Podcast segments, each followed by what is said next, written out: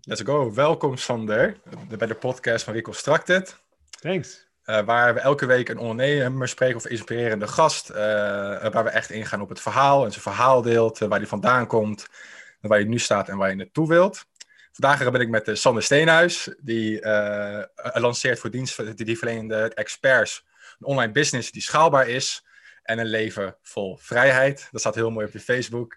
Uh, ik zag ook op LinkedIn dat jij momenteel PhD-candidate bent, ook bij de, de, de Talma Instituut. Daar ben ik ook heel benieuwd naar. Daar ga ik er zo nog even naar vragen natuurlijk. Ja, top. Uh, nogmaals welkom en bedankt alvast voor je tijd.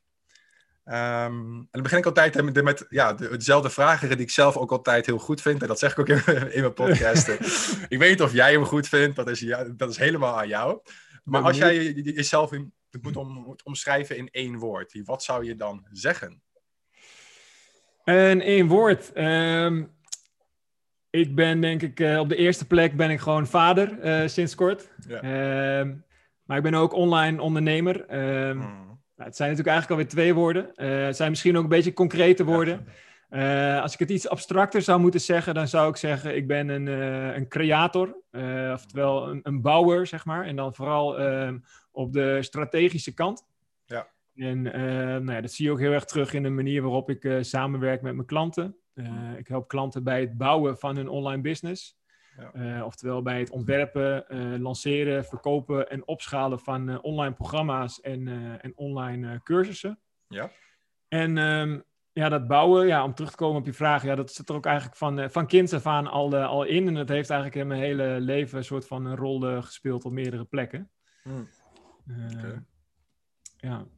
Dus eigenlijk voor, voor, vanaf kinds af aan ben je al eigenlijk aan, het helpen om zaken op te zetten, te lanceren. daar gaat je passie naar uit? Of, of begrijp ik hem niet helemaal goed dan? Um, nou, vooral het bouwen zelf. Dus om een voorbeeld te noemen...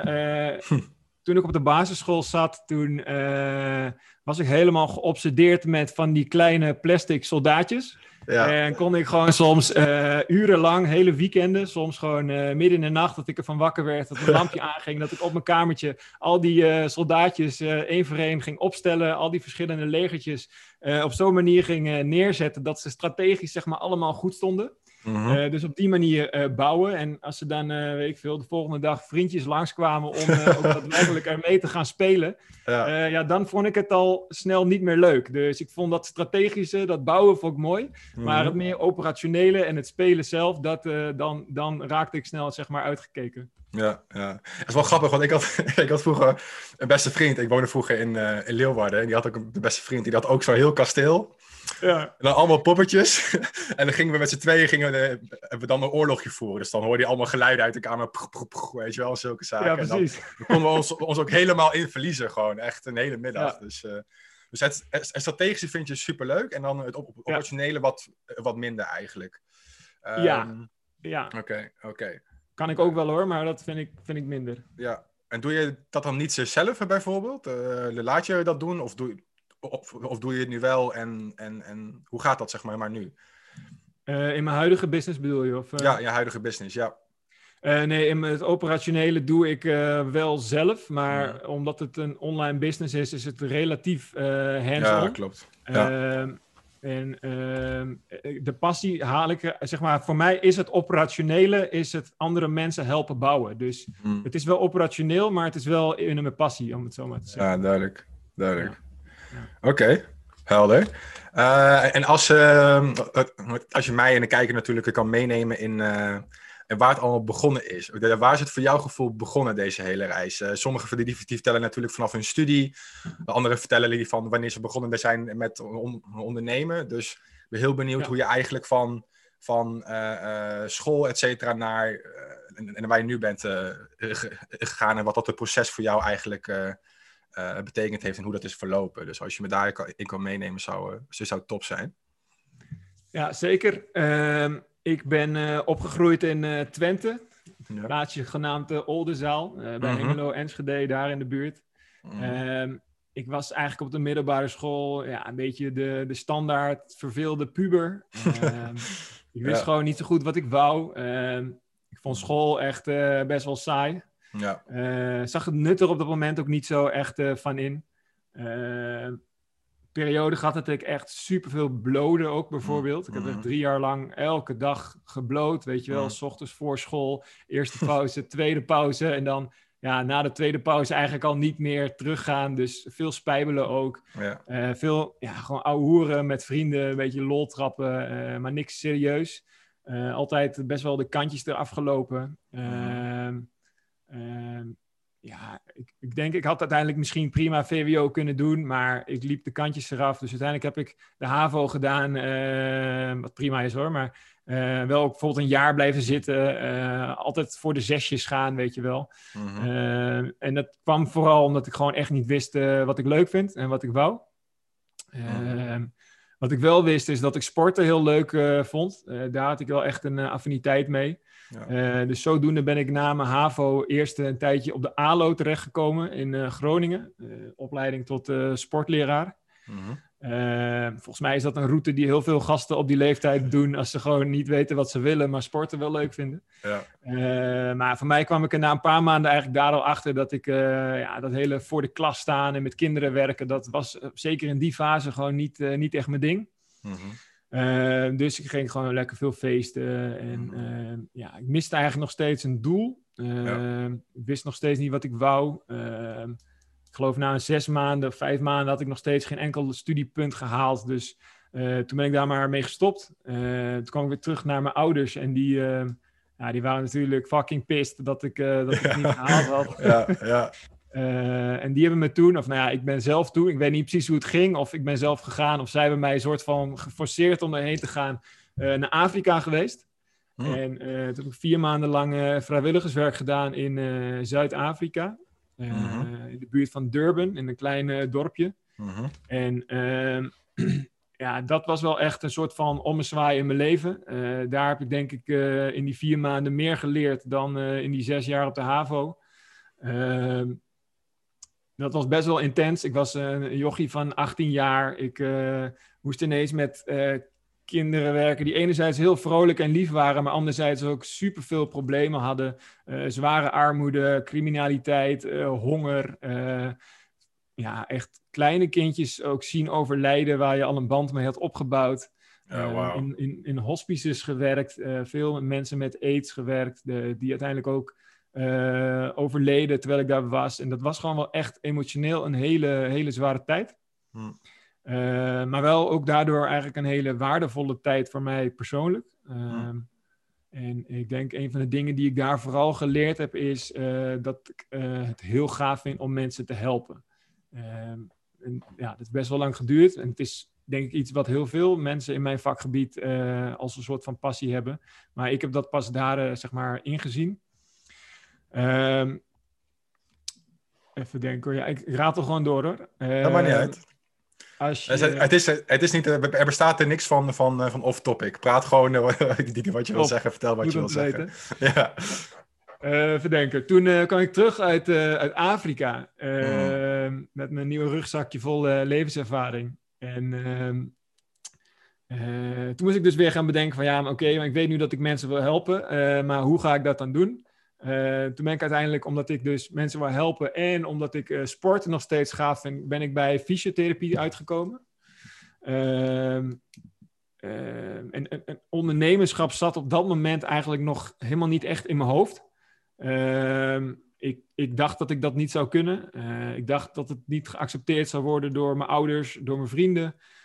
Ik dacht dat het heel veel risico met zich meebracht. Ik dacht dat het dat je een heel groot startkapitaal daarvoor nodig zou moeten hebben. Uh, dat het niet bij mijn karakter zou passen, dat soort dingen. Dus daarom fysio, vier jaar fysiotherapieopleiding gedaan. Was op zich wel interessant. menselijk lichaam vond ik gaaf. dat stukje sport zat erbij, mensen helpen. Maar toen ik ehm, uiteindelijk ook ging werken als fysio, kwam ik ook daar gewoon naar, denk twee jaar of zo achter dat ja, ook dat hem gewoon niet was voor mij. Je zit daar gewoon de hele dag in een klein kamertje met zo'n behandelbank en een bureautje. Ja. Uh, elk kwartier komt er een nieuwe patiënt binnen. En dan moet je weer een oud vrouwtje masseren. Uh, of met iemand op de loopband staan, weet je wel. Ja, uh, ik bedoel, het is belangrijk werk, begrijp me niet verkeerd. En ook het werken met patiënten vond ik echt wel, wel leuk om te doen. Maar ik had het idee dat er meer was en dat, ik, dat ik iets anders moest gaan doen. Ja. Ehm, zat nog steeds een beetje in die traditionele gedachte eh, van ik moet zeg maar de stapjes volgen die de maatschappij van me verlangt. Dus ben ik maar gaan doorstuderen. Uh, ik heb een pre-master gedaan en toen een master in gezondheidswetenschappen. Uh, met een richting in beleid en organisatie van de uh, zorg. Mhm. Ehm, via die uh, studie uiteindelijk terechtgekomen bij een grote zorgverzekeraar. Daar heb ik drie jaar gewerkt als een uh, strategisch adviseur. dus toen kwam wel mooi dat strategische weer wat meer om de hoek kijken. Mhm. En ehm, ja, in het begin was ook dat heel gaaf. Ik bedoel, ik was denk ik 4, 25. Uh, elke dag strak in je pak met je nette schoentjes uh, naar kantoor, stropdasje om. Ja. in je leaseauto een beetje tof doen. ja, precies. ja. en best wel veel geld verdienen ook. Ehm, Mm. Maar ja, ook daar kwam ik na een jaar of twee of zo achter dat dat hele corporate life, dat, dat was me gewoon niet voor mij. Dat, Mm. Van 8 tot 6 werken, 60, 60 uur per week of zo draaien. Uh, elke ochtend, elke middag in de file staan. Uh, ik werkte vooral met oude mensen, dat verzekeringswereldjes. Het zijn vooral veel grijze oude mannen. Uh, ja, de dagen zagen er gewoon uit als continu eh, meetings, continu druk, ook weinig vakantiedagen. Ja, en het hele idee van werken tot je zeventigste Ja, in, die functie, dat, dat zag ik gewoon niet, eh, niet zitten. Ja, ja. Uh, dat leidde ook echt wel op een gegeven moment tot heel veel stress. Uh, echt tot paniekaanvallen aan toe. Uh, dus ja, ja, toen kwam ook het besef van dit is hem ook niet. Ik moet gewoon iets anders gaan doen. Mhm. toen ben ik verder gaan kijken en heel diep bij, me na, bij mezelf nagedenken van... joh, wat, wat wil ik nou, weet je wel, waar word ik gelukkig van?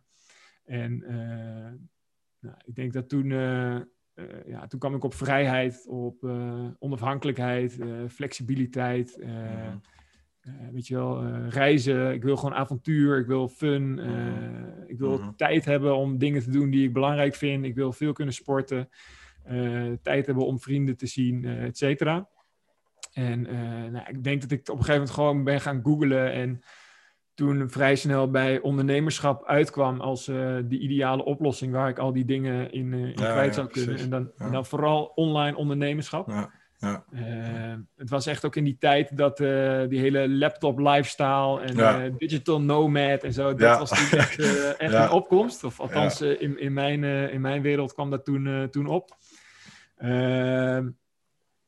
Ehm, toen heb ik op een gegeven moment echt wel een, uh, een spannende stap genomen. Namelijk om uh, weg te gaan bij die verzekeraar. En Hm. een, ja, hoe zou ik het zeggen, een wat, wat, wat lagere baan te kiezen. Uh, een wat simpelere baan. Zodat ik meer tijd over zou houden om aan mijn business te kunnen gaan werken. En echt een business op te gaan starten. Mhm. Ik geloof dat ik er toen bijna 2000 euro per maand aan salaris op achteruit ging. Dus dat moest ik inleveren. Uh, er waren veel mensen in mijn omgeving die dat ook echt niet, uh, niet goed begrepen. Ja. Uh, maar goed, ik had, ik had op een gegeven moment gewoon mijn mind daarop gezet. En dat was mijn doel. En ik had echt zoiets van, joh, ik moet een online bedrijf starten. Want als dat me niet binnen een aantal jaar lukt, dan denk ik dat ik nooit zo gelukkig word in mijn leven als ik zou kunnen worden. Ja, ja, heel mooi. Echt, ik, ik herken ook echt veel dingen. Uh, eerst, eerst, ging het over soldaatjes en nu herken ik weer, herken ik, herken, herken ik weer dingen die, die, jij echt, echt vertelt. En ik heb een aantal dingen ook, ook, uh, ook opgeschreven. Ja. Als, we, als we teruggaan naar, de school, naar het schoolverhaal, hè, hoe, je, hoe je daar voelde. Uh, het, het blowen ook, ook, wat je deed. Wat ik ook veel, veel heb gedaan in die, in die tijd. Um, ik, ik heb daar vaak over nagedacht. Hè. Waarom, waarom deed ik dat? Uh, uh, terwijl ik wel uh, wist bij mezelf van... hé, hey, ik, ik kan wel iets bereiken. Ik was niet zeg maar... dat ik, ik dacht van oké, okay, ik kan niks of zo. Maar school motiveerde me niet. Die hele structuur die motiveerde me niet. Uh, die leraren, ook sommige leraren, daar was ik dan, omdat die ook zeg maar charisma hadden en, en, en, ja. gra en grappen maakten. Dus ik was ook heel selectief ja. bij lessen. Dus bij sommige leraren was, was ik er altijd en bij sommige leraren was ik er nooit. Nee. Maar als jij er, zeg maar, daar, daarover nadenkt, van denk je dat dat gedrag met dat blowen, of in ieder geval de, de, de, kantjes ervan af lopen te maken heeft door de gebrek aan stimulansen die je eigenlijk ervaart op school, zeg maar? Of, of, of, of, of hoe denk je daarover? Want zo voelde het voor mij een beetje, zeg maar. Ik dacht van, nou, dit is gewoon niks voor mij. En, en daarom ben ik misschien aan, aan het slekken, begrijp je? De kantje ervan af aan het lopen. Ja. Hoe, is het ook voor jou zo uh, achteraf als je erop terugkijkt? Of, of... Um, ja, ik denk wel een beetje. Um, school kills creativity is iets wat je vaak uh, voorbij ziet komen. is een hele bekende ja. TEDx-talk ook, geloof ik, over. Ja. En enerzijds uh, vind ik dat ook. Anderzijds denk ik natuurlijk dat school ook gewoon super belangrijk is. vooral zeker. die middelbare school. Uh, studeren vind ik nog wat anders. Um, en bij mij, ja, het is moeilijk terug uh, te bedenken. Ik denk, bij mij was het ook vooral, denk ik, uh, invloed van omgeving. ik had gewoon ook eigenlijk alleen maar vrienden. Ik kwam op een gegeven moment in zo'n groepje vrienden die eigenlijk alleen maar bloden en niks serieus namen. en ik denk dat ik best nog wel beïnvloedbaar was toen. Uh, en dat dat vooral een grote rol heeft gespeeld. En dat ik gewoon helemaal niet echt bezig was met mijn toekomst. Uh, ik had niet misschien zo sterk als jij het gevoel van wat, wat ik hier. Ik, ik, ik weet niet wat ik hier doe of zo. Ik, dit is niet uh, wat ik wil. ik was gewoon niet met school bezig. Ik was gewoon alleen maar bezig met. Aan het genieten, ik zeg dacht maar, dat plezier maken eruit, eruit zag. Maar ja, uiteindelijk heb ik daar best wel spijt van. Want ja. ja, veel blow is gewoon niet goed voor je. Klaar. Nee, nee, nee, nee, nee zeker. Om die reden. Om die reden ik, ik heb het ook gehad en ik heb die ben ook mee, ook mee gekapt. En je merkt gewoon ja, ongelooflijk verschil, scherpheid, uh, energie, et cetera, et cetera. Ja. Dus uh, ja, ja, dingen gebeuren. Hè? Dus uh, dat, dat is natuurlijk ook, ook wel een ding. Maar ik heb, ik heb er ook, ook wel spijt van, die, die, die van gehad in het verleden. En, en nu, nu, ook, nu, nu ook nog wel eens. Um, en inderdaad, aan vrienden ja. ligt het ook wel. Hè? Ik had ook zo'n omgeving. Ik had gewoon een clubje die gewoon hetzelfde deed. Dus dan, dan stimuleer je elkaar ook van, ja, het gaat, het gaat er goed. Er is toch niks aan de hand. Dus je, je bent ook niet elkaar aan, het pushen. En als ik kijk naar mijn omgeving van nu, dan, ja, dat is, ja. Dat is gewoon een andere, een andere, andere uh, planeet eigenlijk. Ben ik, ik ben ja. op Mars, lijkt het wel, snap ja. je?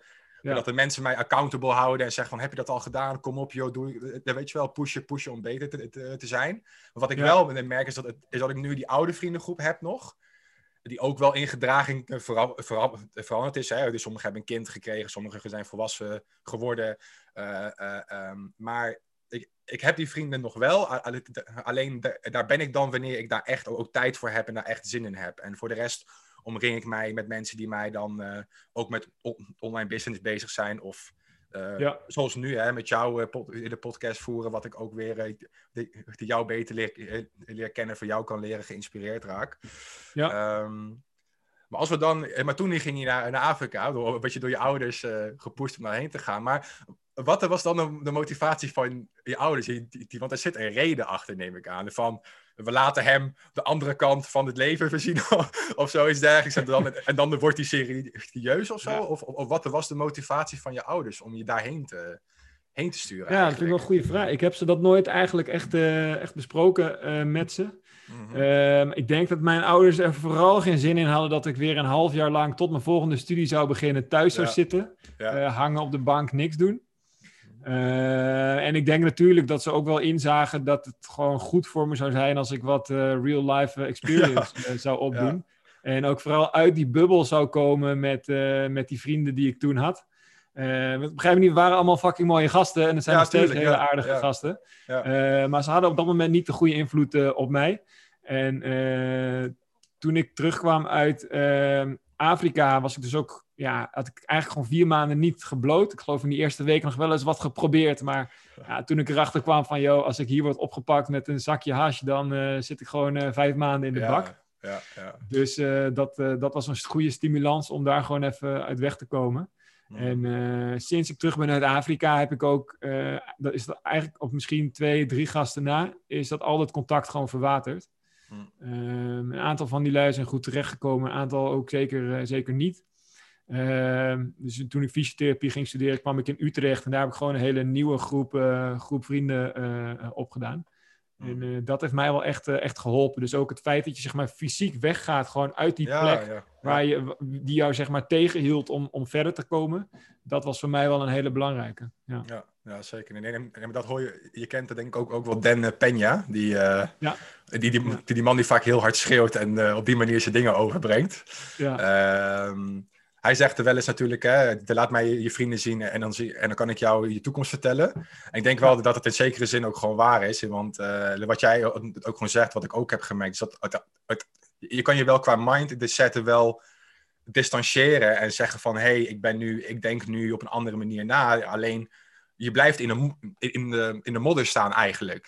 Dus je, bent, je, hebt een andere mindset, alleen je staat in dezelfde modder. Dus je kan continu terug eh, worden eh, getrokken in oude gewoontes en, en, en, en, dingen die je eerst deed. Dus ik heb ook, ook, ook wel echt gemerkt dat fysiek je loskoppelen van zo'n omgeving echt uh, ongelooflijk ja, ja, nuttig is. Dan wat ik eigenlijk had, had hoe zeg je dat, had onderschat. Want ik dacht eerst van altijd van, Nicolaas is een sterke jongen, weet je wel, komt goed. Als hij zijn mindset verandert, dan zit het wel snor. Alleen, dat gebeurde gewoon niet. Dus dan is ook wel echt eh, heel, eh, heel eh, herkenbaar. En ook als we het dan over je werk hebben, hè, want toen ging je toch je fysiotherapie doen. En toen werd je uiteindelijk ging je bij uh, verzekeringenmaatschappijen werken, volgens mij. Hè? Dat zei je als strategisch adviseur.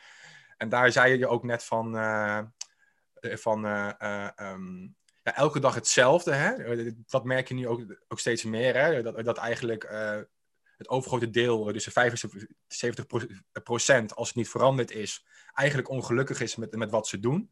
En 25%, ja. maar gelukkig is in de maatschappij. Ik weet even niet of, of, of het wereldwijd is, maar dat, dat laten we even, even terzijde. Um, maar, dat, maar dat merk je nu ook. Hè? Als je kijkt naar, of, wat, of, wat, of wat merk je, dat merk je al jaren, is dat um, het vaak ligt aan het. Hoe zeg ik dit goed? Alsof je in een matrix leeft eigenlijk. Elke week hetzelfde, elke week dezelfde koppen. Uh, geen gevoel van, van, van vrijheid, uh, zulke zaken. Dus ja. Ehm, dat heb ik zelf ook ervaren, want ik heb dan de studie gevolgd. Ik heb wel een studie gedaan, want ik wist ook toen nog steeds niet.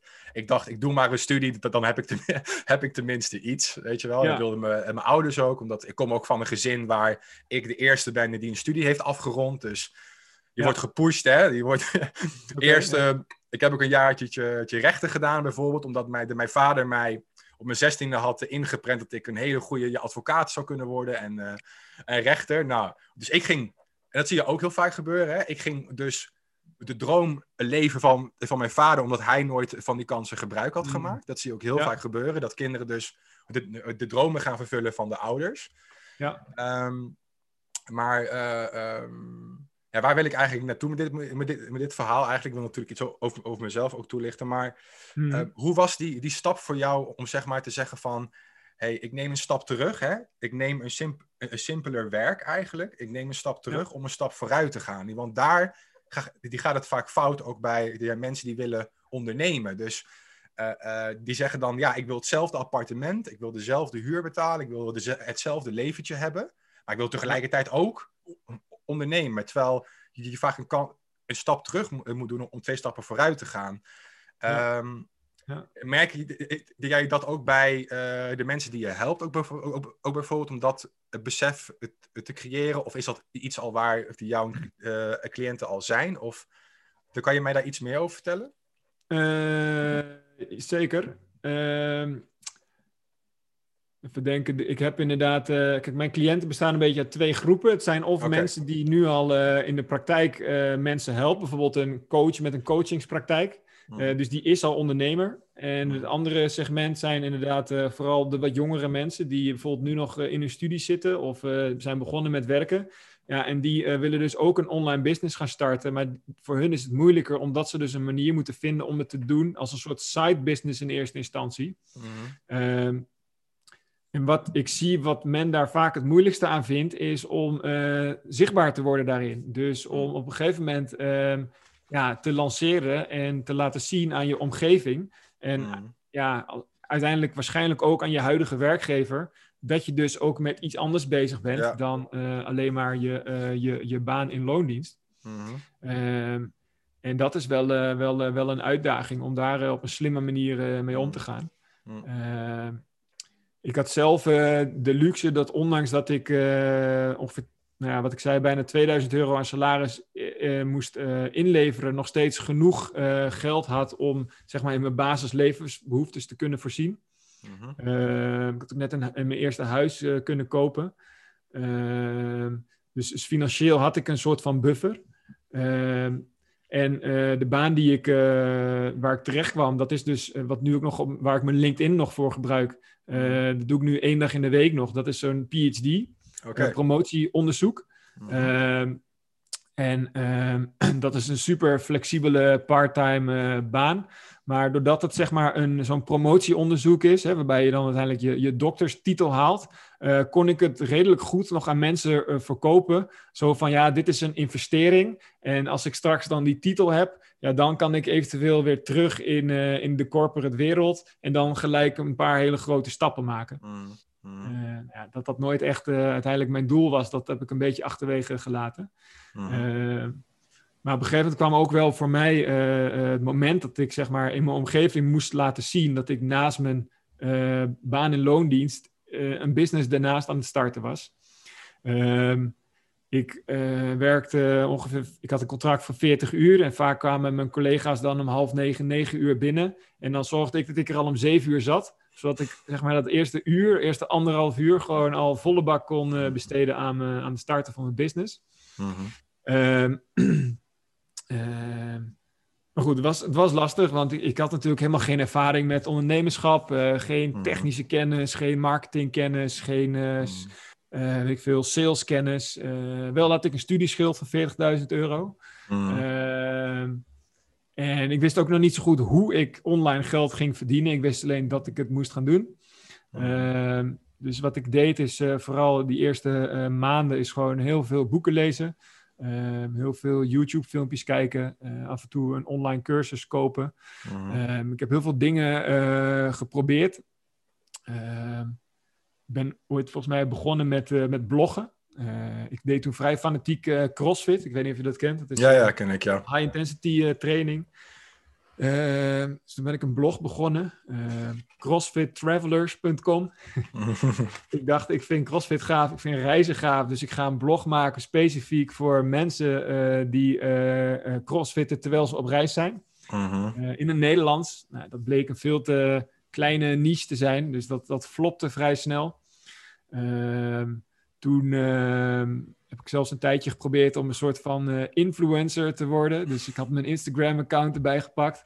Ik, had, uh, uh, ik vond fotografie wel gaaf. Ik was best wel wat op reis ook toen. Dus ik dacht, nou, misschien moet ik een soort travel brand of zo gaan starten met mijn Instagram. Maar ja, dat was natuurlijk gedoemd om te mislukken, want dat is mhm. natuurlijk een markt die echt super verzadigd is. En, ja, klopt. volgens mij niet nu als beginner moet, moet gaan starten en toen ook al, al niet. Mhm. Eh, maar dat moment dat ik dus dingen ging delen op Instagram, dat was natuurlijk wel een moment waarop mensen ook zagen dat ik iets ernaast ging doen. Mhm. Eh, dat was best wel een lastige fase, denk ik, omdat dat voor het eerst was dat vrienden van me bijvoorbeeld me eigenlijk bijna een soort van aan het uitlachen waren. Van, joh, ja, ja, ja. post jij dit, weet je wel, wat ik is dit? ik, heb zo, ik heb zo hetzelfde gehad. Sorry dat ik onderbreek hoor, maar ik heb echt exact hetzelfde gehad. Ja, dat... Ja. dat uh, ja, ik snap even wat je bedoelt, want in het begin had ik dat ook. Want ik had ook, ook ik had, had gestudeerd, ik heb HRM gedaan, dus personeelszaken in, in Nederlands. Ze hebben nu een hele chique Engelse naam natuurlijk, voor, alle, voor bijna alle studies. Ja. Uh, het was gewoon personeelszaken. Ik deed uh, bewerving en, en selectie deels en intern gewoon ook, ook natuurlijk andere zaken, uh, contracten maken, et cetera. Okay. Ik was een, jaar, een jaartje aan het werk en ik had dus ook wat jij had. Ik werd dus ook helemaal, helemaal gek van dat, die corporate life, al heel snel. Omdat ik eigenlijk al wist van toen mijn studie afliep van oké, ja, dit gaat niet worden. Maar ik ben nog zoekende. Ik moet, ik moet nog gaan, hier gaan kijken, wat ga ik doen. In online business was ik ook, uh, had ik ook ontdekt. Een digital nomad. Hè. Uh, ja, dat, dat, wil, dat wil ik worden, een digital nomad. Alleen maar reizen op, op strand te liggen en, uh, en het geld, komt, en het geld komt wel. Ja. ja. Ja, maar dat is natuurlijk een beetje hè, hè, wat ze verkopen. Ja. Um, maar even terug op die switch, hè, want hoe, hoe jij dat, dat zegt, hè, je gaat dan uh, ja, toch wel dingen posten, want je moet toch beginnen, je moet toch ergens een start gaan maken. Dus um, um, als je naar die, die jonge doelgroep kijkt, hè, die je net, net benoemd, die, want je hebt eigenlijk twee groepen, de ondernemers die al ondernemers zijn en die eigenlijk online willen starten. En dan ja. de, de jonge doelgroep die dan uh, direct online wilt, maar of studeert of werkt. Uh, en, natuurlijk blijft het lastig, hè, wat je zegt. Het is heel moeilijk om daar advies in te geven, denk ik. Maar als je nu kijkt naar de jonge mensen die je hebt geholpen, wat zou je kunnen aanraden om, om dat proces zo smooth en zo uh, vlekkeloos te laten verlopen, zeg mhm. maar. Uh, met in gedachten huidige werkgever, et cetera. Ja, Ehm, ja, ik, ik, dit is een hele lastige, maar volgens mij kun je er linksom of rechtsom lullen, maar uiteindelijk moet je het gewoon doen. Je moet gewoon uh, die stap in het diepe nemen, uh, maar wel die stap even goed voorbereiden. Hmm. Uh, dus zorg dat je eh, in concept je verhaal hebt uitgewerkt. Ehm, zodat als mensen je de vraag over gaan stellen, dat je niet gelijk met je mond vol tanden staat. Ja, dus ja. zeggen, ga ook pas openbaar als je echt een beetje een beeld hebt van de richting die je op, op wil. Mhm. in, in, mijn geval uh, help ik mensen met het maken van een online programma. En ehm, wat ik uh, ze mee help is om zeg maar eerst uh, dat hele ontwerpproces te doorlopen. Dus precies te weten wie je ideale cliënt is. Ehm, wat de problemen en de struggles van die eh, persoon zijn. wat de eventuele belemmerende overtuigingen zijn waar die persoon mee te dealen heeft. en vervolgens te onderzoeken wat er op dit moment nog, nog niet is om die persoon te helpen. Uh, op basis van je expertise, uh, op basis van hoe je mensen kan helpen en wil helpen. En uh, werk dat eigenlijk uit in een online programma, maar ga niet gelijk het hele programma maken en in beton gieten. maar maak gewoon eerst een outline. schrijf op wat ongeveer de stappen zijn in het proces van hoe je iemand meeneemt van waar die nu is naar waar die graag zou willen zijn. En op het moment dat je eh, dat helder hebt, uh, zul je zien dat je uh, op het moment dat het proces klaar is, eigenlijk weer terug moet naar je ideale cliëntomschrijving, omdat het eigenlijk toch anders was dan je dacht. En um, um, ja, die ik doe dat in werkdocumenten en die moeten zeg maar uiteindelijk met elkaar versmelten, waardoor het een logisch verhaal wordt. Uh, op het moment dat iemand je vragen gaat stellen, dat je ook een soort uh, lift pitch, een soort elevator pitch klaar hebt, die je kan geven om uh, in ieder geval de, de meest basale vragen mee af te vangen. want op het moment dat mensen en vrienden je gaan uitlachen en vragen gaan stellen en je kunt daar niet voor je gevoel relatief zelfverzekerd op reageren, ja, dan is dat zeg maar echt gewoon een deuk in je mindset. Ja. Waardoor het ja, een soort van een dingetje wordt om uh, dat in later toch, weet je. Uh, de, je, wil, je wil denk ik dat de eerste reactie die mensen uh, hebben, of de eerste indruk van het feit dat je gaat ondernemen, dat die een beetje, een beetje oké is. Ja. ja, ja. Om, do, om door te gaan op je, op je dienstverlening, hè, wat, je, wat je doet, bedoel, bedoel je dan met van in beton gieten, niet, niet dat die direct doen, bedoel je dan van, wat ik snap heel goed wat je zegt, hè, maar voor de, voor de kijk van de outlines maken, eigenlijk de, de reis van de problemen naar oplossingen en daar een brug tussen maken, is eigenlijk wat ja. dus een service het doet voor iemand, hè, een probleem oplossen. Maar is het dat, dan, dan ook zo dat ze dus achteraf de paste cursus maken? Want ik, ik heb bijvoorbeeld een keer een cursus dus gekocht. Ik dacht, hij is klaar. Maar ik merkte op een gegeven moment, die gast is gewoon het was, het was supergoed hoor, maar die, die was gewoon on the spot alle, alle modules aan het maken. Dus eerst uh, klanten trekken, uh, daarvoor adverteren of in ieder geval een groep maken, een community. Uh, gebeurt dat ook bij jou of gebeurt er dat net iets, iets anders, zeg maar? Ehm, ja, ik ben wel heel erg van sell it before you create it. Mhm. Dus um, um, wat ik mensen mee help is om die outline te maken en daarna een online publiekje op te starten. En dan eerst die outline eigenlijk te verkopen als een product. Mhm. Eh, maar wel uh, aan een klein groepje mensen die je ook van tevoren heel erg duidelijk maakt dat het een beta-versie is van je uiteindelijke product. Ja. Zodat mensen natuurlijk wel weten uh, wat ze kopen. Mm maar uh, dat zorgt ervoor dat je vervolgens de inhoudelijke invulling van je product kan gaan maken samen met die eerste groep klanten. Uh, waardoor je in een continue feedback loop als het ware zit. En waardoor je uh, uiteindelijke programma ook uh, iets wordt waarvan je zeker weet dat het ook iets is waar mensen, waar zeg maar echt vraag naar is. Ja. Ja, ja, Wat ik heel vaak zie gebeuren is dat mensen bijvoorbeeld een online cursus gaan maken. En die, gaan, die denken dat ze weten wat er nodig is in hun niche. En die gaan vervolgens uh, 30 lessen maken en 30 video's daarbij opnemen. En daar zijn ze maanden, maanden, maanden mee bezig. En vervolgens gaan ze dat in de markt zetten. En dan komen ze er pas achter dat eigenlijk niemand het wil kopen. Ja, en dan heb je dus eigenlijk maanden verspild. Dus ik weer een enorme deuk in je mindset.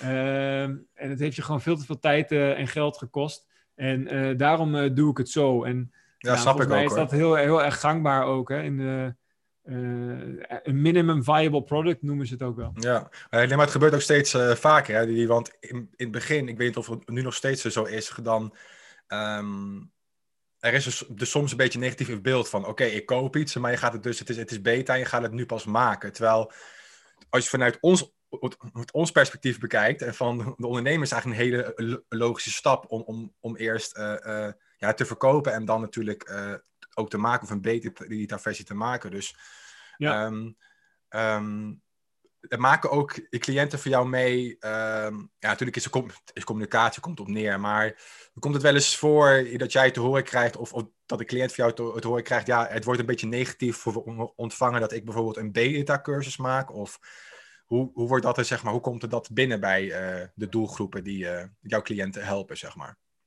Uh, nee, ik denk dat, nee, ik maak eigenlijk nooit mee dat dat heel erg negatief uh, wordt ontvangen. Okay, het is ook niet iets wat je, zeg maar, in je marketing helemaal aan het begin doet. Nee. Uh, het is pas iets wat je in bijvoorbeeld een salesgesprek doet met een uh, echt warme lead die al uh, jou kent, die je waardeert en voor een deel al vertrouwt. Mm. Die jou ook echt al een stukje ziet als de expert en de autoriteit op het gebied van, je, van, je, ja, ja, van je niche eigenlijk. Mm. En ehm, ehm, zo iemand die wil gewoon heel graag met jou samenwerken. En uh, als op dit moment de enige manier is om dat te doen in een beta-versie, uh, wat je ook nog wel uh, kan versterken door te zeggen van doordat het een beta-versie is, ben ik veel meer aanwezig, doen we veel meer één-op-één sessies, krijg je gewoon veel meer van mijn tijd. ik ben er ook nu veel meer bij gebaat dat jij echt goede resultaten gaat halen met mijn programma. Mm -hmm. dus ik ben meer invested. Ehm, en ehm, de prijs is nu natuurlijk ook nog een beta-prijs. Hm, ja, precies, precies. Uh, ja. Maar, maar, maar, mooi hoe dat belicht, want daar bedoelde ik, ik ook op natuurlijk. Want uh, ik heb het zo ook ervaren in die cursus waar ik net het over had, dat ook een, be een beta-versie had. Ik had veel meer één-op-één coaching, veel meer...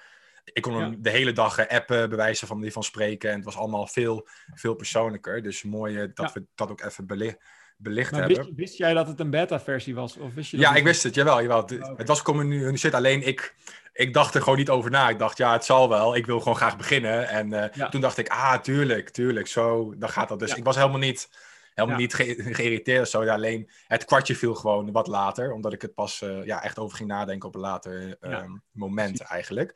Wat je net benoemde... ik zou, ik zou zeggen, doe dat ik zou dat ook maar doen met misschien je eerste drie tot vijf klanten. Dat is eigenlijk al genoeg om je, je programma zeg maar, te valideren en een stukje proof of concept uh, te krijgen. En mm. vrij snel daarna kun je het gaan uh, veranderen in een wat meer uh, hands-off versie, zoals bijvoorbeeld een, een, online cursus. of een masterclass of een workshop of iets dergelijks. Mm. en dan is het dus geen beta-programma meer. Dus mm. dat stukje beta, dat is relatief kort. Mm. Ja, precies, duidelijk. Als we nu kijken naar, uh, want we hebben het gehad over waar je vandaan hier komt natuurlijk, het hele, hele proces naar, naar, naar nu, over wat je nu doet. Je hebt ook, ook, ook uitgelegd die, wat je specifiek met, die, met de klanten eigenlijk doet, hè, die, je, die je helpt. Uh, mm-hmm. Je had net een stukje zichtbaarheid ook. Hè? Uh, is dat de voornaamste? Ja, natuurlijk is dat een, een van de problemen. Hè? Natuurlijk, je wilt online de zichtbaar worden. Maar zie je ook bepaalde andere trends waar je cliënten tegenaan die lopen, waar jij ze echt heel goed bij die kan, uh, die kan helpen naast een stukje de zichtbaarheid en, en, en online programma neer, neer, neerzetten. Want ik, ik kan me ook voorstellen dat sommige mensen het, heel spannend vinden om, om een online cursus te maken of om zichzelf te presenteren op een video of, of, hoe dat dan ook in elkaar zit. Dus wat zijn nog meer obstakels waar jouw cliënten tegenaan lopen en waar jij ze mee kan helpen eigenlijk? Naast een stukje zichtbaarheid en een online cursus in elkaar zetten. Ja, ja, ja. Goeie vraag. Uh, ik zie mezelf niet zozeer als een coach, maar meer zeg maar mhm. als een, uh, ja, een mentor of een, een, zeg maar meer een, ik ben meer een adviseur, een strateeg. Mm. Uh, dus in mijn uh, eigen verkoopproces heb ik ook een vrij scherpe filter. In, okay. de, in de vorm van een, een vraaggesprek, een soort verkennend gesprek. Uh, waarmee ik ook de mensen waarvan ik dan door heb van... Ah, deze hebben nog wel echt eerst een aantal mindset issues zeg maar, te overwinnen. Bijvoorbeeld in hoeverre ze bereid zijn om uit een comfortzone te stappen... voordat ze goed passen bij het programma wat ik aanbied. Mm. Uh, dat programma wat ik aanbied is best wel een, een snelkookpan in drie maanden. En als je dan echt nog een aantal mindset issues hebt, dan is het programma misschien niet ideaal geschikt Hmm. voor je. Ehm, Dan ben, je, dan ben je eigenlijk een fase te vroeg, eigenlijk, om het zo maar even, even te zeggen. Dus ja, ja Toch? kijk, natuurlijk, iedereen, ja, iedereen vindt het spannend om bijvoorbeeld uit zijn comfortzone te moeten komen. Ehm, eh, maar er zijn ook mensen die, die, eh, dat, ja, die daar gewoon nog echt niet klaar voor zijn. hm. Eh, maar dus ehm, de, de, eh, de echte mindset issues, die kom ik niet zoveel tegen meer op het moment dat iemand al een klant is bij me. Ehm, en waar ik ze dan vooral ook denk ik mee help, is eh, strategie en structuur. Mhm.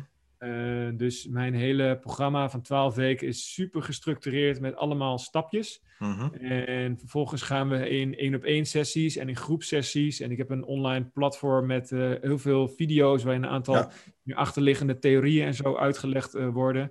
Ook een kleine community in Snack, Slack. Dus je zit met ongeveer vijf tot tien mensen zit je in een groepje. Iedereen doorloopt ongeveer hetzelfde proces. Eh, ontwerpen, lanceren, verkopen, opschalen. In die drie maanden. En dat is super waardevol. want Mensen kunnen dan ook eh, met elkaar eh, sparren. En, Ja, eh, super, daar zeg. ze heel veel van. Ja. Zeg je? Ja. ja, super is dat. Dat, dat, dat is fijn. En, Want anders, dan voel je, anders dan kan je natuurlijk alleen voelen. Hè? En, en, en zo'n zo'n groepje, dat is ook, ook, ook, ook motiverend lijkt mij als iedereen gelijk, gelijktijdig die drie maanden door, doorloopt. Eh, Zeker. ja, ja, nou, ja. wat bij mij is, is ze lo- doorlopen niet gelijktijdig, maar iedereen zit ongeveer in een andere fase van het proces. Oh, oké. Dus wel gaaf. Dus als je net begint, dan kom je in een groepje met mensen die al een paar weken verder zijn. Mhm. En als je zelf een paar weken verder bent, dan eh, krijg je dus een aantal mensen bij je in de groep die eh, jij als het ware weer kan helpen. Hm. En vaak denk ik dat de beste manier om zelf iets te leren is door het aan andere mensen te leren. Juist, dat wilde ik net, net zeggen. Dat, dat, dat doe je natuurlijk met de reden. Hè? Omdat je eigenlijk, Ja. dat, dat zie je ook in heel veel Facebookgroepen gebeuren, is dat de mensen elkaar gaan helpen. En dat is, dat, dat is natuurlijk gewoon goud waard eigenlijk. En het is ook Zeker heel, weten. heel mooi om te zien eigenlijk. eh, Dat de mensen dan ook het initiatief eh, nemen om, eh, om elkaar te helpen. Dus dat vind ik, dat vind ik wel sli- sli- die slimme aanpak inderdaad. En net over Ja. die, drie, die drie maanden. Hè? Je, je, je benoemde het heel snel. Maar in die drie maanden, je hebt, je hebt drie fases. Dan kan je daar iets, iets, iets meer over zeggen. Dat ook, ook de kijker, dus bijvoorbeeld mensen die hè, ge, geïnteresseerd eh, die zijn ook echt zicht nu kunnen krijgen op die fases. Ja. Kort. Ja. Ehm, dus het is best wel strategisch. Het is een best wel een rigide structuur. Maar wel eh, door de één op één sessies met mij maken we mijn structuur zeg maar toepasbaar en op maat voor, eh, voor de klant. Hm. Ehm, en het is heel erg eigenlijk gebaseerd ook op eh, simplicity. Dus een grote valkuil die ik vaak zie bij startende online ondernemers is dat ze direct heel veel willen. Ehm, alles tegelijk willen doen. Eh, terwijl ik bijvoorbeeld zeg, eh, focus je eh, in het begin op één social media kanaal. Ik doe Ja. dat zelf ook. Ik zit eigenlijk alleen maar op, op Facebook. Daar haal ik meer dan genoeg klanten uit. En dat maakt het allemaal zoveel makkelijker en overzichtelijker dan wanneer je gelijk ook op Instagram en op LinkedIn en op Twitter en op TikTok en alle andere social media platformen die je kan bedenken eh, Mm. tegelijkertijd aanwezig wil zijn. Ik vind ook, zeker in het begin, eh, als je nog niet je eerste tien klanten hebt, online klanten, heb je Mm. ook eh, in mijn ogen nog niet een website nodig. Je hebt nog niet een Mm. funnel nodig, eh, Mm. weet ik veel. Nog geen e-mailreeksen, nog geen chatbots, geen uitgebreide landingpagina, et cetera. En dat zijn allemaal dingen die mensen denken nodig te hebben. Maar in feite heb je die in het begin niet nodig. En die drie fases van het programma, die begint met ontwerpen. En dat heb ik eigenlijk net al gezegd. Dus het gaat over eh, Ja. weet wie je ideale cliënt is, wat is zijn of haar probleem, eh, hoe kan je hem of haar daar eh, specifiek online bij eh, helpen en hoe wil je hem of haar daar ook mee helpen. Eh, en dan maak je daar bijvoorbeeld een beta-versie eh, van, eh, zoals Mm. een, eh, bijvoorbeeld een één-op-één coachingsprogramma. Ehm, dan in de eh, tweede eh, module eh, gaat het om het opbouwen van een klein eh, online publiek. Mhm. Ehm, zichtbaar worden, eh, jezelf positioneren als een expert en een autoriteit eh, in je vakgebied. Mhm. Eh, nou, zodat mensen je leren kennen, gaan waarderen en vertrouwen. En op het moment dat je dat kleine publiekje gebouwd hebt, ik gebruik vaak alleen nog maar Facebook persoonlijke profiel. Mhm. Dus nog niet een Facebook groep nog niet andere social media netwerken, geen Facebook pagina. Ehm, ehm, en parallel aan het bouwen van dat hoe heet het, het online publiek, Mhm. ehm, eh, werk je ook aan een salesprocesje. Ehm, dus eh, zorg dat je intiem, intiem wordt met eh, mensen in je publiek. Ga gewoon gesprekjes met ze aan. Eh, niet heel spammerig, maar gewoon vanuit een, een intentie om eh, te kunnen helpen. Mhm. En ehm, ik help mensen ook met het maken van een eh, goed script. Wat niet een heel staccato script is, maar een flexibel script. Daar hebben heel veel mensen heel veel eh, baat bij. Omdat ze dan, als ze die ideale cliënt gevonden hebben, ook in een salesgesprek weten wat ze ongeveer moeten zeggen. En ook weten hoe ze mensen moeten filteren. Eh, dus eh, hoe ze ervoor zorgen dat alleen ideale cliënten in hun programma terechtkomen. Dus vooral aan het begin is dat heel eh, belangrijk. Mhm. En ehm, zodra je dus die eerste drie tot vijf cliënten op die manier gevonden hebt, in je één op één programma, waarin je echt intensief met iemand samenwerkt, dan kun je in de derde stap gaan opschalen, bijvoorbeeld door eh, een online eh, live masterclass of een online cursus te maken van je eh, één op één coachingstraject. Dus uiteindelijk heb je dan een, zeg maar een high-ticket aanbod, dus een Mhm. hooggeprijsd product boven 2000 euro. En een wat lager geprijsd product, noem ik mid-ticket, ergens tussen de 100 en de 1500 euro. En dan heb je een high-ticket product, wat dus is voor de mensen die bereid zijn om eh, echt een hoge prijs te investeren om intensief met je samen te werken. En je hebt een meer mid-ticket product, wat eh, eh, voor mensen is die ja, om een of andere reden niet het geld hebben om te investeren in een echt intensieve samenwerking met je, Ja. maar die nog wel met je samen willen werken. Mhm. En eh, op die manier vind je in je eerste maanden je eerste 10 online klanten. Als je die eerste 10 online klanten hebt, ja, dan is eh, in mijn optiek het hek van de dam. Dan eh, zit je gewoon in zoveel betere eh, flow, een zoveel be- sterkere mindset. En ja, dan kun je na gaan denken over eventueel een website of een landingspagina of andere manieren om bijvoorbeeld je lead generatie te automatiseren. Ja, ja, super duidelijk. Helder, helder uitgelegd. Ja, klinkt heel goed hoe je dat ook, ook mooi in fases opdeelt. Klinkt als, een- als een logische eh, eh, proces om het zo te benaderen. Maar als je Ja. nu, eh, nu ben je dan ja, ja, lekker bezig. Hè? Je, je, zegt, ik ben al- alleen op Facebook geboekt. Ik, ik vond het wel een goede tip ook trouwens. Want ik zit met mijn compagnon Marco Bajic samen op veel platformen. En ik merk nu ook dat ik een beetje tegen dat probleem aan, aan, aan, het, aan het aanlopen ben. Dus dat ik sommige, eh, bijvoorbeeld Instagram een beetje laten liggen en daar eigenlijk de kwaliteit omlaag gaat en juist mijn, mijn focus op, op LinkedIn en YouTube eigenlijk met de podcast. En, eh, dus dat ga, dat ga ik zeker even meenemen. Die, die, want ik dacht van, ja, dat is, is een goede tip, hè. laat ik het zo zeggen. Ik heb er niet echt eh, genoeg over nagedacht, ja. Het is gewoon veel werk om het allemaal Ja, goed ja. bij te houden. En je focus verspreidt gewoon over meerdere platformen, waardoor je nergens echt 100% eh, gefocust bent. Ja, ja, ja, duidelijk.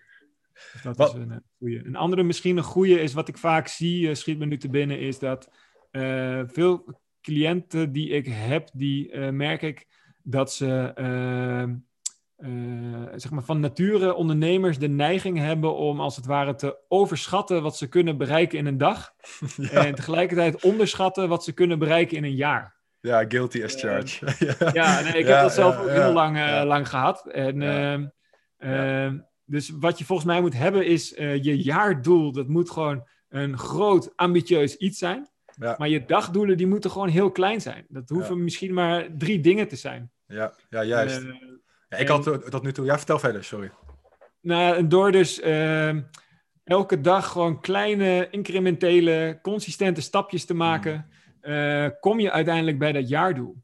Maar als Ja. je van tevoren al gaat blind staren op het jaardoel, zonder je dagen goed in te delen en die kleine stapjes te maken, Mhm. dan eh, haal je het niet omdat je het eh, niet volhoudt, omdat je Mhm. te weinig succesjes onderweg, zeg maar, behaalt. Ja, zeker. Ik heb, ik heb hetzelfde. Ik had een tijd geleden, had ik ook, een half jaar geleden, had ik eh, mijn takenlijst, dat was uh, een boodschappenlijstje van 20 dingen, zeg maar. en dat, ja. dat werkte oh, niet. Dus, en je nee. merkt ook, wat je, jij zegt, hè, je bent onbewust eigenlijk jezelf aan het demotiveren. Want je krijgt het dan niet af en dan denk je van, ja, ik ben, ik ben slecht bezig. Terwijl je, je juist, waarschijnlijk, de, hopelijk, de meest prioriteitse dingen wel hebt gedaan. Terwijl het eigenlijk... Dus nu hou, hou ik ook gewoon drie dingen aan en dat motiveert ook veel meer door, zeg maar, dan te zeggen: oké, ik ben goed bezig. Dus uh, zeker gelijk in. Ook mooier dat, dat je dat benoemt.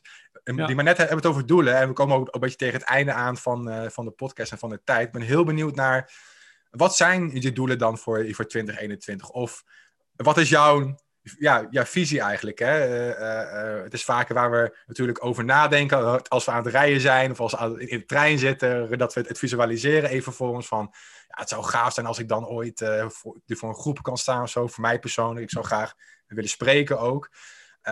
wat is voor jou die, die visie die, zeg maar, op, op lange termijn? Waar, waar wil je echt naartoe, zeg maar? Je droom eigenlijk is, is het ook, hè? Ja. ja ik denk voor mij is dat meerdere dingen. Uh, als ik één moet noemen, dan zou ik zeggen uh, impact maken. Dus um, een van de redenen dat ik, uh, waar we het trouwens helemaal niet over gehad hebben, tussen, me, tussen toen ik zeg maar begon met uh, de gedachte ik wil ondernemen, had ik meerdere dingen geprobeerd. Toen heb ik twee jaar lang heb ik oh. e-commerce dropshipping gedaan. Dat, dat ah. stukje hebben we gemist. Ja. Uh, maar da, da, en dat ging super goed, want ik was als een van de eerste bij. Ik denk de eerste, een van de eerste tien Shopify dropshipping uh, webshops.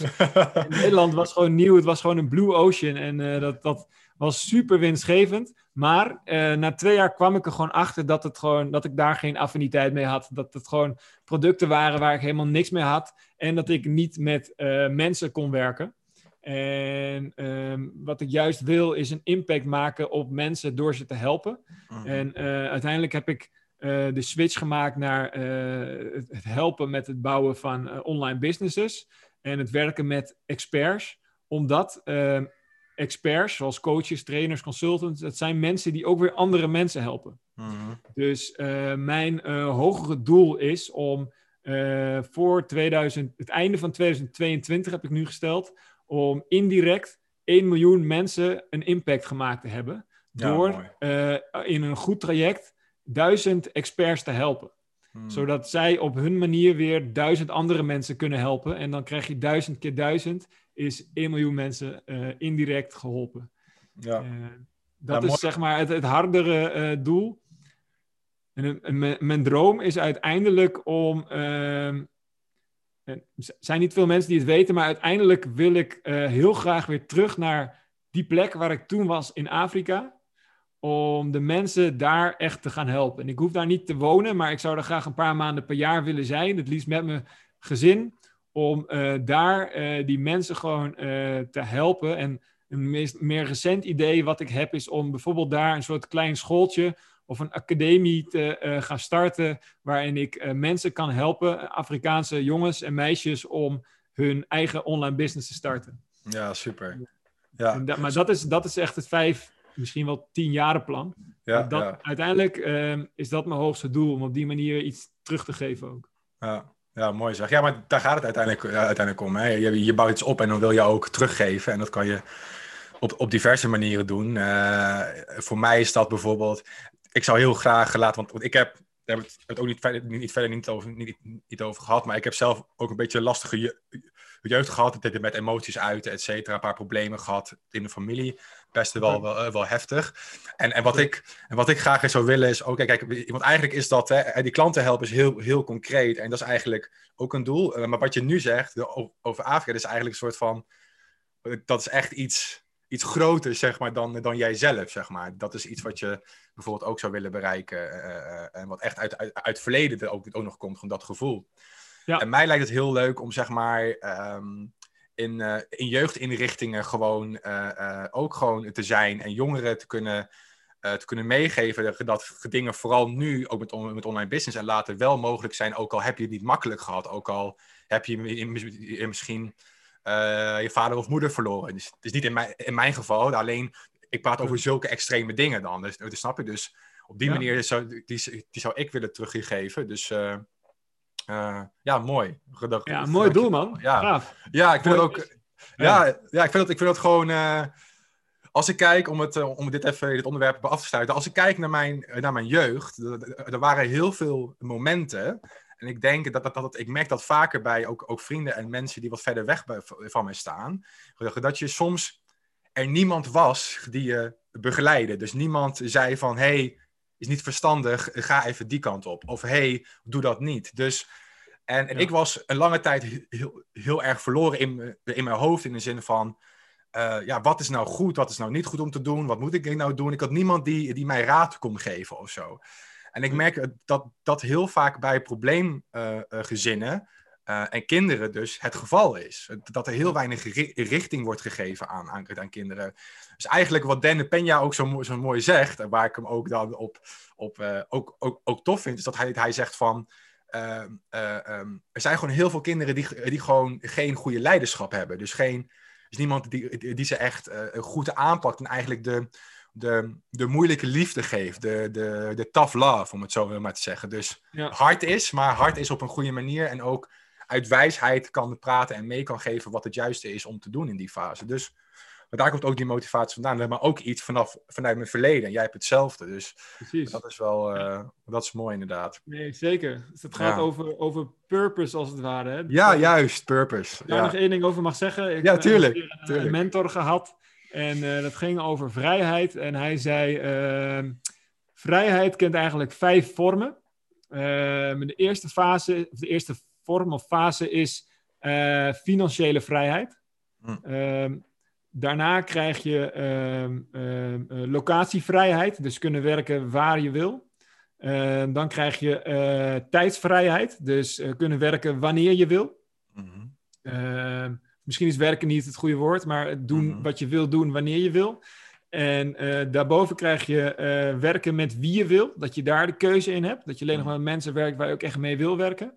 En als allerhoogste zei hij dat is gewoon purpose. Dus uh, de, de, ultieme vorm van vrijheid is uh, uh, ja, de vrijheid hebben om andere mensen te helpen.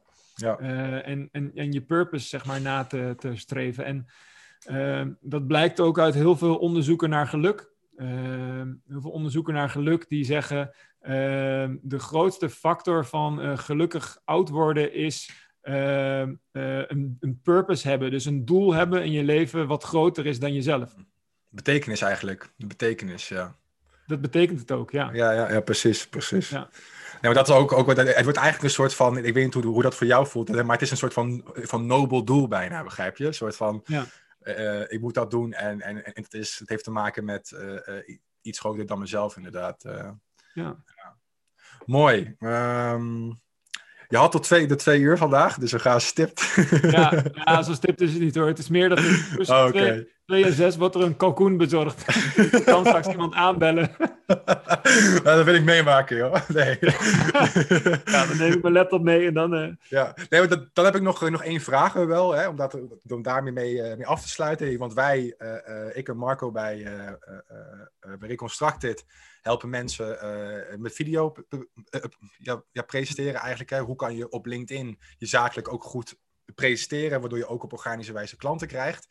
Ja. Uh, en ik vraag altijd als laatste vraag uh, de, ro de, de, rode draad. Hè. Waar komt iemand vandaan? Waar is hij nu? Waar wilt hij naartoe? Dus de doelen. Um, maar ook van, hey, jij zet ook, ook, ook video in en tekst en beeld. Um, en um, wat we bij onze service vaak merken is dat uh, het technische deel niet zo lastig is. Ik kan gewoon jou vertellen hoe je, hoe je licht gebruikt, hoe je een camera gebruikt, hoe je bepaalde apps kan gebruiken. Maar het is vaak op persoonlijk vlak is de obstakel om te posten, om, om, om dingen actief te plaatsen. Uh, ik denk, en iedereen maakt het proces er wel mee. Voor, voor de ene is het makkelijker en voor de andere is het moeilijker. Hoe heb jij dat zelf ervaren om die, om die drempel over te gaan? En wat zou je kunnen meegeven aan, aan de kijker? Uh, hoe die toch die drempel over kan gaan om gewoon het te gaan doen. Omdat je stiekem weet, dit moet ik eigenlijk gaan doen om mijn business te, te laten groeien. Alleen, alleen doe ik het niet. Dus... Kan je daar iets over, iets over toelichten als, als mooie ja, de taart? Zeker. op de kalkoen. Uh, is goed. kerst de taart. Uh, Nee, ik denk, uh, kijk, het is op dit moment eigenlijk een proces waar ik zelf ook nog wel middenin zit. ik ben van nature meer een, een schrijver dan een, een videomaker. Ehm, ik ben nou, is toch wel relatief introvert, denk ik. En ehm, ik vind het best wel moeilijk om mezelf op live video, tenzij bijvoorbeeld zo'n gesprek als dit is gewoon relaxed.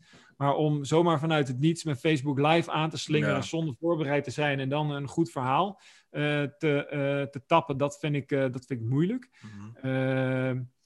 Hoe, hoe ik dat, waarom ik dat nu toch doe, is hoe ik ooit begonnen ben, is toch wel om het super goed voor te bereiden. Goed, ik weet niet hoe jullie daar als de experts in staan, maar Mhm. wat ik echt deed, is gewoon echt mijn hele verhaal eigenlijk in, in stapjes opschrijven, wat ik wou vertellen. Eh, bijna een soort script, maar dan niet woord voor woord, maar wel eh, zeg maar steekwoord voor steekwoord. En dat heeft mij wel geholpen om even over dat eerste stapje heen te komen. Mhm. Ehm, en de, de reden dat veel mensen het moeilijk vinden, heeft denk ik heel erg te maken met een soort eh, imposter syndroom. Dat eh, hè, men denkt op het moment dat je een fout maakt door eh, iets live te zeggen wat niet helemaal klopt, dat je dan een soort van onthuld wordt dat je eigenlijk niet eh, de expert bent die je voordoet dat je bent. Ehm, en dat, ik denk dat dat bij mij ook wel gespeeld heeft. En bij iedereen wellicht in meerdere Ja, zeker. maten. Ja. Ehm, maar de, de truc is gewoon om het ja, toch weer te doen, maar wel op een, een, zoals je dat zelf ook noemt, een smooth manier. Dus Mm. doe het gewoon eerst een beetje gescript Mhm. en eh, bouw het script gewoon steeds meer af. Want ik denk dat uiteindelijk zonder script het beste werkt, omdat je dan het authentiekst overkomt. Ja, klopt. Ja. Eh, tenzij het een heel lang verhaal is, of tenzij je gewoon fijn vindt om een script te Mm. blijven gebruiken, ja, dan moet je dat ook gewoon lekker blijven, blijven doen. Mhm. Eh, maar nogmaals, ik ben nog niet echt een expert op video. Mhm. Dus vind het moeilijk om daar echt een harde claim of zo op, op te Mm. leggen. Nou, het, andere- het, ja? Het, het gaat niet zozeer om de. Ex, oh, sorry. het gaat niet zozeer om de, zeg maar, de expert, maar het gaat eh, om, om daar een claim op te leggen. Het gaat meer. Hè, want want jij, jij doet het toch. Ik zie ook dat je het doet. En ik vind het er goed uitzien. Ook de teksten en wat je doet. Eh, Ja. maar, maar je gaat er zeg maar met, met die gevoelens om, die obstakel ga je ermee om om het gewoon kort, eh, ko- kort voor te bereiden. En daardoor ga jij die drempel wel over eigenlijk. Dus Ja. dat is eigenlijk ook de tippen die je mee kan geven, toch? Eh, Want dat is eigenlijk het proces wat bij jou ook nu, ook nu eh, gebeurt Precies. eigenlijk. Precies. Precies. Dus zorg dat je van tevoren ongeveer weet wat je wil zeggen en dat je een, eh, een Hmm. structuur hebt in je video. Hmm. Hmm. Ehm. Dat je bijvoorbeeld ook weet eh, hoe je eindigt. Ja. Eh, hè, vaak, structuurtje wat ik vaak gebruik is, je, je, je opent met iets wat een soort hoek is, dus waarmee mensen zeg maar blijven hangen in je video. Mhm. Eh, daarna ga ik vrij snel door naar eh, een, een call to action, wat, whatever dat ook is. Ja, En dat benoem ik heel kort, zodat ook de mensen die zeg maar geen zin hebben om vijf minuten die video te luisteren, wel aan het begin al weten eh, wat ik eigenlijk loop te promoten of wat, mijn doel is van de video. Mhm. Dan als derde, zeg maar, een verhaal. Ik ben er zelf een beetje aan het stoeien met concepten van storytelling en zo. Mhm. Om daar echt een mooi verhaal, het liefst een persoonlijk verhaal, ook, ook in te verwerken. En eh, dan eh, als vierde weer even te herhalen wat je gezegd hebt. En dan te eindigen met je- Mhm. opnieuw je call to action.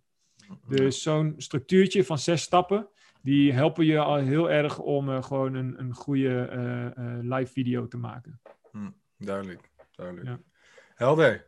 Sander, dankjewel voor ja, je man, tijd. jij. Leuk Ja, om ik je vond- zien. Ja, ik vond het super tof.